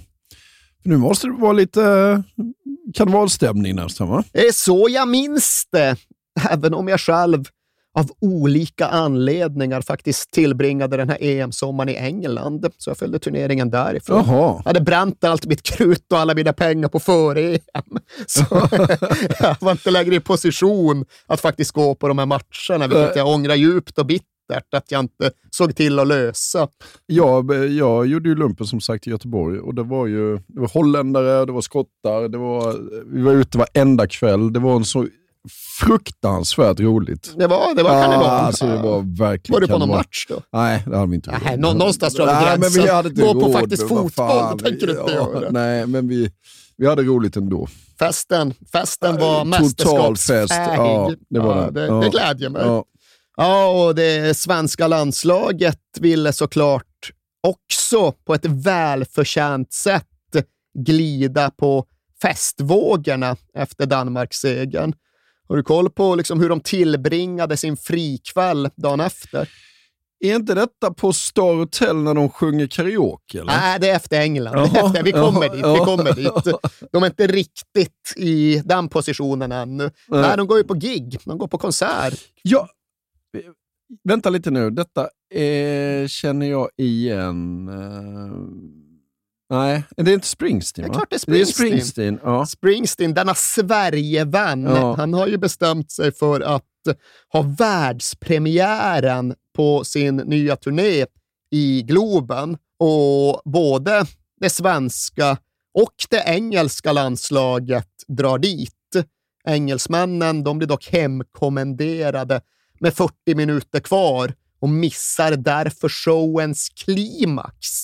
Och jag kan misstänka att de därigenom gick hem rätt besvikna, för det här var ju då världspremiär för turnén efter dubbelsläppet av skivorna Human Touch och Lucky Town. Ja. Det måste väl sägas vara Springsteens kanske två sämsta skivor. I alla, fall. I alla fall om man ser till vad han släppte Finns det ett klimax där? 1990-talet. Ja, ja, men då spelar han gamla låtar på slutet. Ja, alltså, det var ju tydligen i landslaget, Jonas Tern och Claes Ingesson är de största Springsteen-entusiasterna. Ja. De var löddriga som 17 inför. Men när Ingesson sen pratade med någon journalist efteråt så var han ju lite kluven. Äh, det var för mycket nya låtar Ja. första halvan, menade Ja, Klabbe. ja. Och det var det säkert. Det var det säkert. Vad händer mer för kul då? det händer mycket kul. Det är också något lite tidstypiskt som i och för sig roar oss journalister mer än allmänheten. Men det är kul att konstatera men vilken tillgång och vilken öppenhet som trots allt ändå fanns runt landslaget. För jag vet inte fan om Expressen hade gjort någon deal eller något med Thomas Brolin, men de har en jävla access till Thomas Brolin turneringen igenom. Och kvällen före den avgörande gruppspelsmatchen mot England, vet du vad Expressen ser till att Brolin får ägna sig åt? Nej. Han får ha picknick med Svullo i grässlänten utanför Star Hotel i Sollentuna. Åh, fy fan vad underbart. Ja. Alltså, dels vad är det för jävla idé? Ja. Liksom? Okej, nu Jo. har vi tillgång till Brolin. Vad ska han göra? Ja, men jag tror Brolin, det, det var hans idol Svullo tror jag. På det, där, det har jag läst Ja, någonstans. det är klart det var. Ja. Och, eh, det finns sämre idoler, jag gillar honom också. Alltså behöver konceptet Svullo förklaras för en yngre lyssnarskara? Han är ju tyvärr inte med oss längre. Micke Dubois som låg bakom Svullo-karaktären. Jag ska klippa ihop en minut Svullo, the best of. Det, det blir väldigt tufft, men som bara ni ser, det vilket ser jag geni han var. Ja, Ja, var det det han var? ja det var han. Ja, det var han. I en idrottskontext är väl Svullo känd för att typ ha sabbat strömmen inne på Globen när AIK Hockey höll på att åka ur elitserien i någon avgörande playoff-match mot Boden. Och jag vet jag har väl svårt att tro att det var Svullo som kortslöt elektriciteten. Det har inte jag. Det var ju typ så att ja, men Boden fick straffslag med fem minuter kvar och vad fan kan det stått 2-2 eller någonting. Och sen tog det typ två timmar innan Uffe Sandström fick slå den där straffen. Ja. För att typ strömmen säcka ihop, eh, isen behövde spolas om 18 gånger och Svullo ska ha varit så drivande, så, liksom, så aktiv att han någonstans också fick skulden för att strömmen gick. Ja. Det var Svullo som låg utan huvudsäte. Ja, jag hoppas det var Ja, så. det gör jag Ja. också.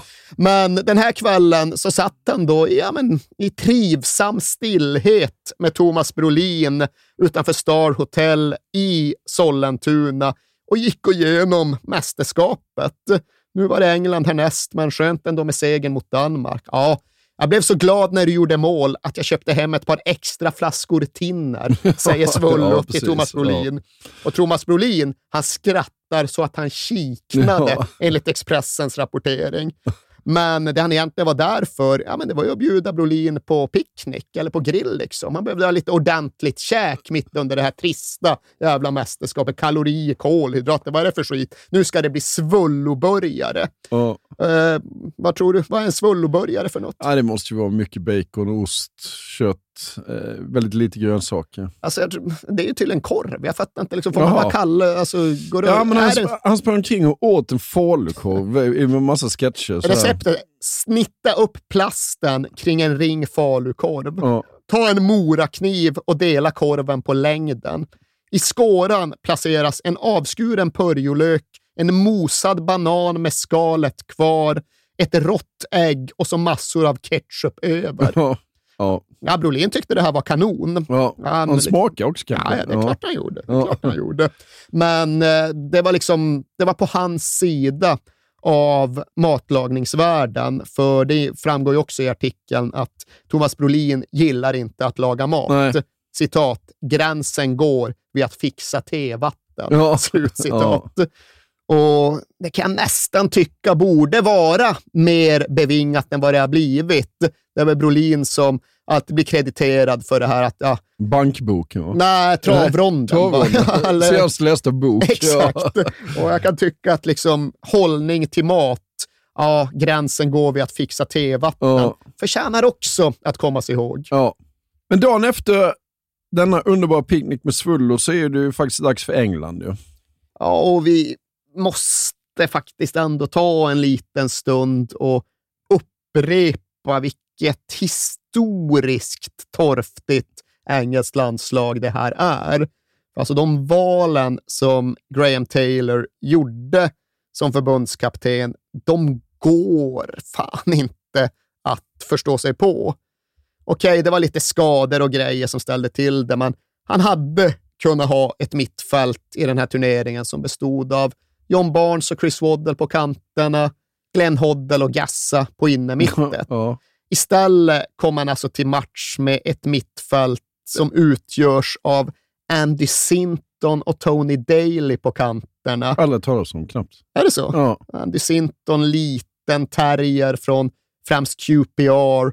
Tony Daly, en spelare jag faktiskt gillade, en jättesnabb ytter från Aston Villa som hade en speciell typ av dreadlocks som jag sparade hår för att kunna upprepa. Sparade till ett stort jävla fluff i Malmberget 1991. Sitt inte och höj de här nu då. Nej, men det har inte, det har inte med kvaliteter att göra. Men Ja. föreställ dig när jag sen går till ja, men byns hobbyfrisör med liksom salong i ett garage på någonstans i mellanområdet mellan Gällivare och Malmberget och förklarade att jag vill ha Tony Dalys dreadlocks. Alltså den kvinnan hade ju ingen aning, ingen kapacitet. Jag kan göra en flät. Ja, liksom. precis. Vad är dreadlocks? Ja, hade ändå sparat fluff i ja, men en hel vinter. Och det var nog i och för sig en jävla tur att jag inte fick några Tony Ja. Daly dreadlocks, för jag hade inte kunnat bära upp dem. Nej. Men de spelade ytter och sen var det Neil Webb och Carlton Palmer på inne mitt. Och det finns ingen landslagsspelare som engelsmännen själva har gjort sig så lustig över som Carlton Palmer. Nej. Har du någon relation till Carlton Palmer? Ja, men har, har man i alla fall hört talas om. ja, men väldigt lång, väldigt kantig och Oteknisk. oteknisk Ja, ja. innermittfältare. Alltså det är så, så dåligt och så träigt och så begränsat att det faktiskt inte går att förstå hur en trots allt så stor och stolt fotbollsnation som England kan skicka ut ett sånt mittfält, Nej. ett sånt lag. Men ah, okej, de får ju faktiskt ändå grepp om matchen. De spelar ju inte sofistikerad fotboll, men de spelar rak, enkel och till en början rätt effektiv fotboll. Lagets stjärna är Gary Lineker Ja. såklart och Gary Lineker jagar landslagets målrekord, men kommer inte till sin rätt i det här spelet och den här turneringen. Men några få minuter in i matchen så har han ändå sökt sig ut mot kanten. Han är inte avslutaren, han är inläggsspelaren som viker in en boll som David Platt felträffar in i Ravellis bortre hörn. Och sen är nog fan, alltså det är rättvist att säga att England är bättre i den första halvleken. England får definitivt fram de bästa lägena, för även om du inte känner till Tony Daly och hans dreadlocks, så var han vindsnabb. Ja. Han var så snabb på ett sätt som till och med fick Jocke Björklund att se rätt långsam ut. Ja. Och Daly hade mycket väl kunnat springa in en eller ett par bollar i den här första halvleken. Så när det är paus, ja men då är det utsatt läge. Sverige behöver ju ta poäng, annars är Sverige utslaget och turneringen ett enda antiklimax. Och här behöver ju då Tommy Svensson göra något och göra rätt. Och han lyckas med båda delarna. Han gör ett byte som är ovanligt tidigt för att vara i ett svenskt landslag och han gör ett byte som är ganska vågat dessutom. Han tar ju ut Anders Limpar som har kommit fel in i matchen Ja. och då sällan är så där jättebra. Och så sätter han in Johnny Ekström Ja. av alla människor istället. Cyklonen! Ja. Och Det innebär ju också en typ av riktning. Det innebär ju att det blir Johnny Ekström som djupledslöpande spelare och en Brolin som därför sjunker ner lite mer, som möter och hämtar boll lite mer, som kan komma rättvänd lite mer. Och ja, men Förändringen ger verkligen maximal effekt. Kvitteringsmålet kommer ju visserligen på ytterligare en fast situation, ytterligare en hörna där Janne Eriksson klättrar högst. Jävla hög klass på det. Ja, det är starkt. Ja, Det är Han drar starkt. huvudet bakåt lite också. Det är inte liksom lika klockrent som målet mot Nej. Frankrike, men det här är starkt. Ja. Och ja, Janne Eriksson just mot engelskt motstånd. Du vet att han var på provspel i Spurs bara halvannat år tidigare. Nej. Han hade ju kunnat bli den första svensken i Tottenham. Han var där handplockad av Terry Venables och det ska ha gått rätt bra under starten av den här provspelsperioden. Men efter tre dagar, då kallar Norrköping hem honom för att de har match i halvsvenskan. Därför blir det inget med. Janne Eriksson till Spurs. Nu blev det ett kvitteringsmål, men trots att det är bra gjort, trots att det är starkt inkrigat, så är det inte direkt det målet vi minns från den här andra halvleken. Nej, för det målet vi ska prata om nu, är det, så att jag funderade, är det det finaste svenska mästerskapsmålet någonsin? Alltså det beror ju lite på hur man värderar Kurre Hamrins promenad. Det är, Ja, alltså, men om... eh, ja, det är men det är något annat. Ja. Liksom. Det här är ju liksom det mest, det mest flytande anfallet och den mest eftertryckliga slutpricken som jag kan påminna mig Det om. är så jäkla snyggt. Ja, det är så jävla jävla snyggt. Det är sån flöde, det är sån härlig liksom, framåtriktad rörelse. Och, Och det var en touch, en, en touch, touch, en touch. passningar, Ja. kombinationer och sen till slut då Brolin som än en gång liksom improviserar fram precis rätt avslut. Den där yttersidsstöten som borrar sig upp i bortre krysset bakom bakom halvfiguren Chris Woods, Ja. varför han nu får stå. Men ja, där ska vi inte fastna när vi pratar om det Och här återigen vill jag bara säga, supermålet. Brolin är där 22. Han visade vilken spelare han skulle bli, vilken spelare han redan var. för Han var bäst i det svenska landslaget. Han var spelaren som drev hela laget framåt. Han var väl, så vitt jag kan bedöma uppriktigt sagt, hela gruppspelets bästa spelare i den här turneringen. Ja. Titta, Brolin. Ja, det är strålande. Brolin, Dahlin, Brolin! Har ni sett vilket mål? Vilket mål! Fantastiskt! Fullständigt enastående. Det börjar med Ekström och sen är det Brolin-show. 2-1 till Sverige och det är EMs vackraste mål hittills. Vilken kombination! Och så underbart han lyfter in den. Och hans mål blir ju passande nog också avgörande. England är ett slaget lag efter det. De vet ju att de måste göra två mål och de har kreativitet för en XG på 0,02 på planen. Ja. Så det blir ju ingenting. Det är bara att spela hem matchen. Det är bara att fortsätta jublet. Det är bara att följa med turneringen och landslaget upp till nästa nivå. Och nu, nu kommer den där karaokekvällen på Star Hotel Ja. som du var och kittlade lite på. Ja. Ja, Jag har inte så mycket att säga om den. Har du inte? Nej. Det finns ju otroligt Ja, mycket men- att säga om det. Ja, men säg det då. Ja, det är ju här då Thomas Ravelli verkligen tar över showen. För ja, men även här finns det ju journalister på plats och kan rapportera ingående och i detalj. Så vi vet ju precis vad som hände. Vi vet att Thomas Ravelli ledde allsången i Gulligullan koko som en gök. Jaha, ja. Vi vet att Thomas Brolin vajade armkrok så slipsen slängde och att Tommy Svensson drog fräckisar. Jaha. Vi vet även vilken fräckis. Han går fram till mikrofonen och så ställer han frågan. Har ni hört när jag var i Mora? Då träffade jag stans största flicka. Ja. Dra ner stående ovationer och euforiskt jubel. Men tror du det sätter stopp för Thomas Ravelli? Nej.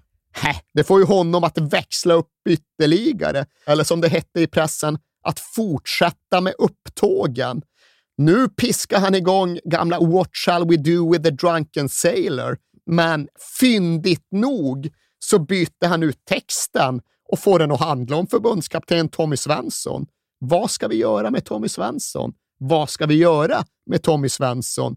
Jo, sänka ner i pisserännan. Mhm. Jubel! Ovationer! Och tror du Ravelli är klar? Ravelli är inte klar. Nu pumpar han ju verkligen igång sig själv, tar över, kapar karaokemaskinen och kör låt på låt. Arne Kvicks Rosen, vet jag inte vad det är. Jo då. Vad fan är det? Ja, det är ju en superklassiker. Gammal. Ja, nu vill, du, vill man ha Ravelli på karaokemaskinen och Arne Kvick? Nej, det är ju inte den låten jag tänker mig en sån här festkväll. Men, men Alex kommer lägga ut så ni får rosen här, det jag lovar. När man söker stundens sorger glömma är det skönt att vaken gå och drömma Glömma att lyckan flugit har sin ko så att du ej fick min sköta ros Och sen kulminerar då allt med att Ravelli tar sitt stora paradnummer. Sommaren är kort med Thomas Ledin. Ja. Och som det står i pressen, våra hjältar satt arm i arm och gungade fram och tillbaka i takt med Ravellis sång. Kan du se det framför dig? Jag kan se framför mig att jag väljer att ha en viss fallenhet för att gå lite för långt. Så. ja. Det, det, var kul första, Ja, första ja, gången, inte Thomas. sjunde gången. Jag vet inte ens om det här är hans fullständiga repertoar, utan det finns lite, lite dolt material som, inte, som det inte rapporterades om. Men sen ska det väl också sägas att allt efterspel var ju inte så här festligt, ifall det är rätt ord att använda. Det var ju också rätt ja, men våldsamt på stan efter den här matchen. Och det hade ju varit oroligt och våldsamt i framförallt Malmö i samband med att England spelade där tidigare. Men nu kom England och nu kom våldet även till Stockholm. Fastän hundarna fick tugga gratis. Fastän hundarna fick tugga gratis. Alltså det finns ju det finns huliganromantik i Sverige också och det finns ju några olika skildringar nedtecknade, men de som var med och de som tyckte att det fanns lärdomar att hämta från de engelska föregångarna, de kan ju fortfarande prata imponerat om den engelska infiltrationen av öltälten på Gärdet i samband med den här matchen.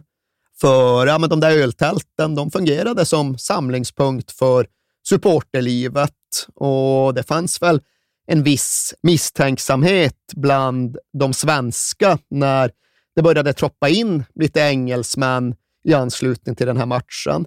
Men engelsmännen, de var trevliga och de var välkomnande och det är inte särskilt svårt för en svensk fotbollskille att trivas i ett samtal med en engelsman. Det dröjer inte särskilt länge innan man drar skrönor om någon resa till Wolverhampton eller vad det nu kan ha varit. Så det ska varit väldigt gemytlig stämning och engelsmännen ska ha spridit ut sig och stått vid något bord här och vid något bord där och alla ska ha liksom slappnat av och sänkt garden. Fram till den sekunden plötsligt liksom kommer en visselpipa som skär genom luften. Fan var det där? En stöt till med visselpipan och alla engelsmän bara samlas rygg mot rygg. Mitten börjar veva något så inåt helvete. Fy fan vad obehagligt. Ja, men också just för dem med, med en lockelse, en dragning till det fotbollsrelaterade våldet.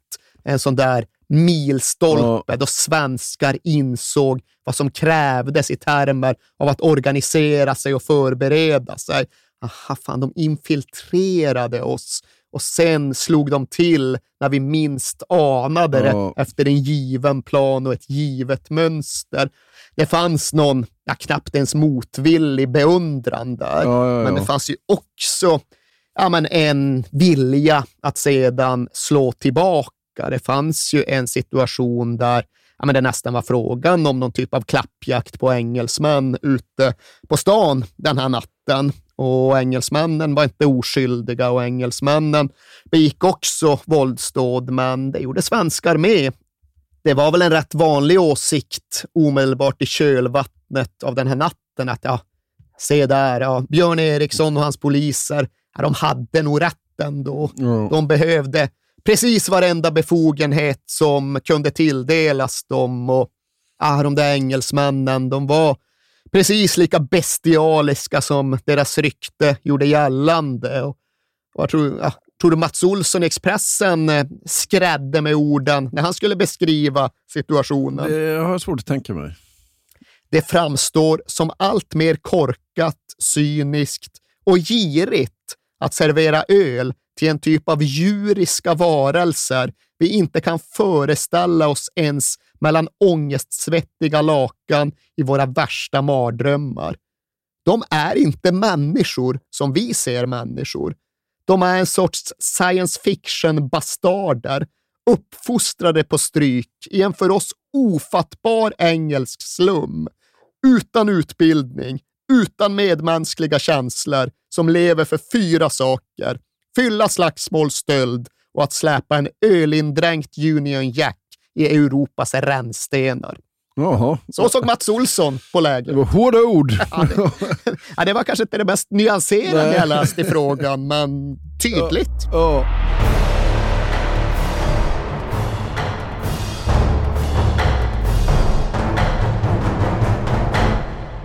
Hur laddar de för Tyskland då? Oj, hur laddar de inte för Tyskland? Att till börja, Tommy Svensson, han laddar inte för Tyskland, han laddar för OSS. Han är helt säker på att det är de, de där ryssarna och ukrainarna som imponerade så mycket på honom sommaren före, som ska gå vidare och bli Sveriges motståndare. Så han inleder med att planera för OSS tills motsatsen är bevisad. Men sen är det ju så att just de här mellandagarna sammanfaller med den svenska midsommaraftonen och det kan ju inte ett svenskt landslag med, med Ravelli och de andra bara låta passera obemärkt förbi. Så det blir femkamp såklart. Pilkastning, boll i hink, äggkastning, alla de där grejerna du vet.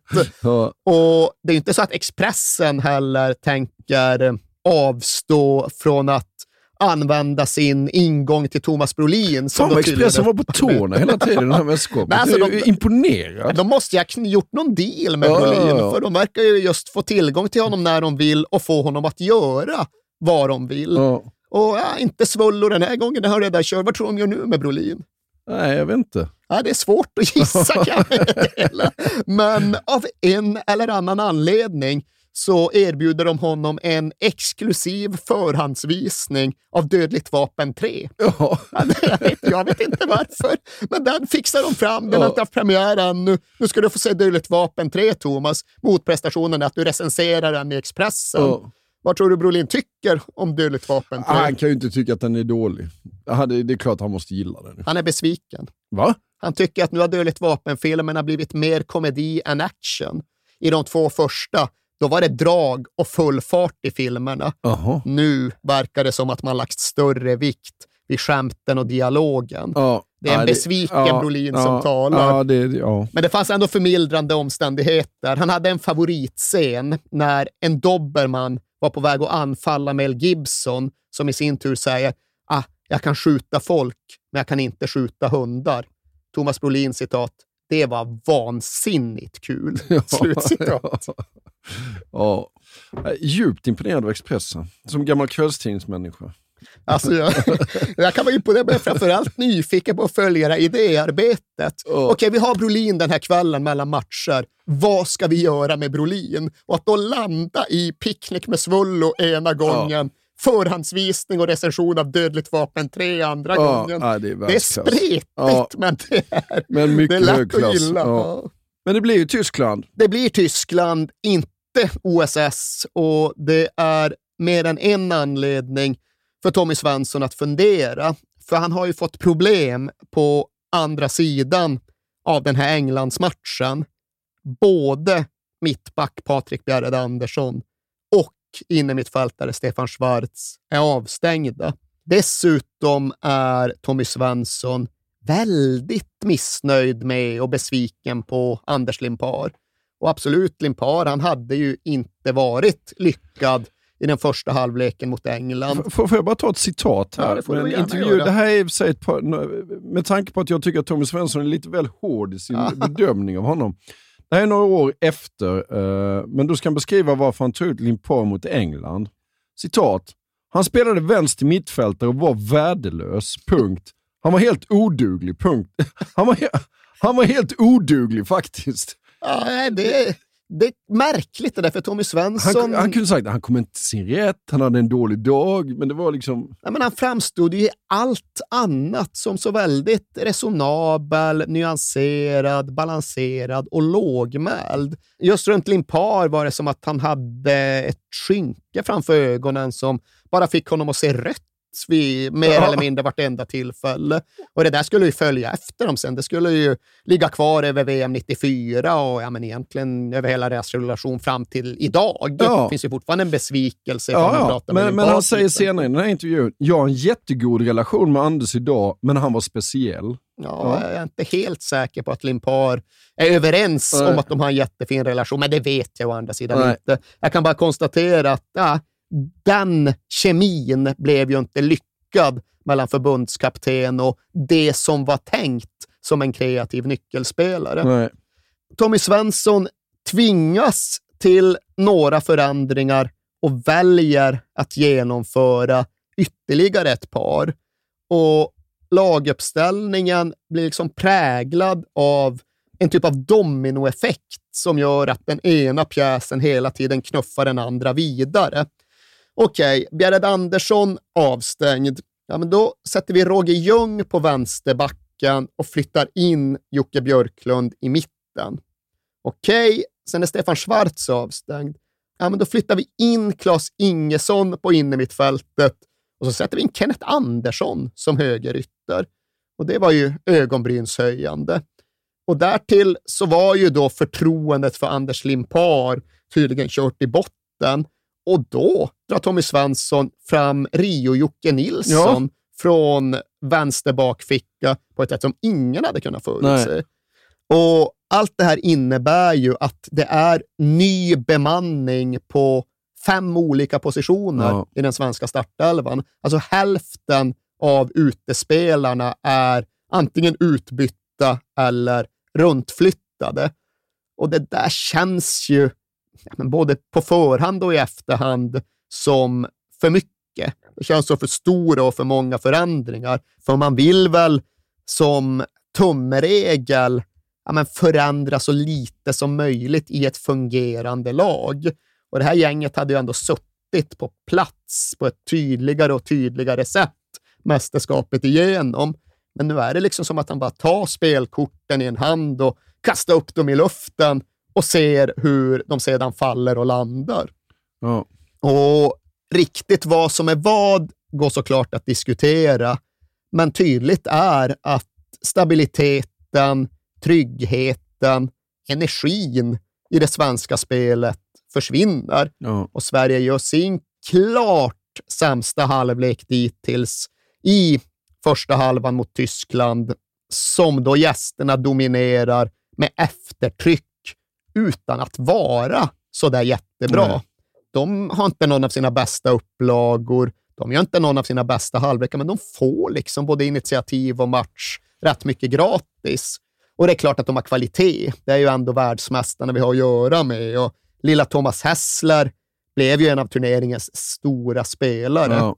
Hade vid sidan av Brolin utmärkt sig i gruppspelet med ja, men den enda riktiga konkurrenten till turneringens mål. En frispark som han limmar upp i bortre krysset mot OSS. Och det där hade ju världen sett. Det där hade Thomas Ravelli också sett. Så när tyskarna får en frispark i men, någorlunda motsvarande läge, då är Ravelli inne på att Hessler ska trä upp den i samma kryss på samma sätt. Ja. Och istället så viker han den bara upp över muren och ner i det motsatta hörnet. Ja. Och Ravelli står lite halvt på fel ben och blir alldeles orörlig och kan bara se Men det är en jävla bra frispark Det är också. jättebra Ja, frispark. Han hade ja. ju fantastisk frisparksfot, men nu är Ravelli tre meter ifrån bollen. Ja. Han hade kunnat vara tre decimeter Ja. ifrån bollen och ja, det hade kanske känts lite bättre. Ja. Men ja, det är bara 1-0. Det hade kunnat vara mer. Bremen har ju någon frispark i ribban och Tyskland har greppet. Och in i andra halvlek så blir det ingen större skillnad heller, utan efter en timme har då halkat Tern och tyskarna spelar loss Riedle och så är det 2-0 Ja. till Tyskland. Och trots att sen Ingesson springer fram en straff som Brolin väntar in i mål, så är det ju aldrig någon nerv i den här matchen. Och varför blev det så? Var det för många förändringar? Ja, jag tror nog att det var en del av det. Ja. Var det så att en mättnad hade infunnit sig? Det menar ju många av spelarna själva. ja, deras målsättning var att nå semifinal. När de hade ja. gjort det så blev det utandning och kanske försvann den där liksom riktigt fokuserade hungern någonstans runt Koko-Gulligullan som en gök med Ravelli på efterfesten. Ja. Det, Lätt hänt. Ja, jo, nej, det, det, är många, det är många känslor som kan försvinna i ett sånt läge. Det är ett vakuum som tar mer än det ger. Ja. Men det går inte att känna någon som helst besvikelse över turneringen. Det är helt omöjligt. Men det går att känna en besvikelse över den här matchen. Den där semifinalen som aldrig blev, utan som bara försvann. Ja, Ridley gör 3-1, Kenneth Andersson knoppar in 3-2. Kan se spännande ut för den som läser matchprotokollet i efterhand. Var aldrig spännande där och då. Nej, men han gör ju ett sånt här Rumänien-mål, Mm. alltså vinner nickduellen med målvakten. Och det är 89 minut, men han bryr sig inte ens om att springa och hämta bollen. ju. Alla, alla springer tillbaka på egen planhalva det går typ en minut. Ja, Så nej, men det- Kan jag fan försöka? Det är talande. Ja. Det är talande. Men även om målet som sådant inte är värt något så ger det ju oss alla ändå rysningar att titta på det idag. Just för att det är en karbonkopia av Ja. vad som komma skall. Målet som görs mot Rumänien i VM-kvarten två år senare. Det som då räddar sommaren och den allra största svenska fotbollshistorien under vår livstid. Ska vi ta den någon gång, Erik? Eller är den för uttjatad? Den är ju för uttjatad, men det är klart att vi ändå måste ta den någon gång. Det är, det är ja på båda frågorna. Eh, Det är alldeles för mycket sagt om VM 94, men vi får väl säga det på vårt sätt och vi får väl säga det på rätt sätt. Men hur som haver, oavsett hur den här svenska mästerskapssommaren slutade, så var ju någonstans det allra bästa med den att den inte slutade. Att den bara fortsatte. För EM 92 var det största idrottsevenemang som någonsin arrangerats i Sverige. Men framför allt så var det ändå sommaren då svensk fotboll vände uppåt igen. Och när dåvarande förbundsbasen Lars-Åke Lagrell summerade fotbollsåret så var han tydlig med att det inte bara var herrlandslagets framgångar som fick honom att känna tillförsikt, utan han rabblade ju om OS-slutspelet och U21-finalen och slutspel för J-laget och slutspel för pojklandslaget och VM-brons för damlandslaget. Så framgångsrik har svensk fotboll aldrig varit, sa Lars-Åke Lagrell. Men mer framgångsrik skulle svensk fotboll bli.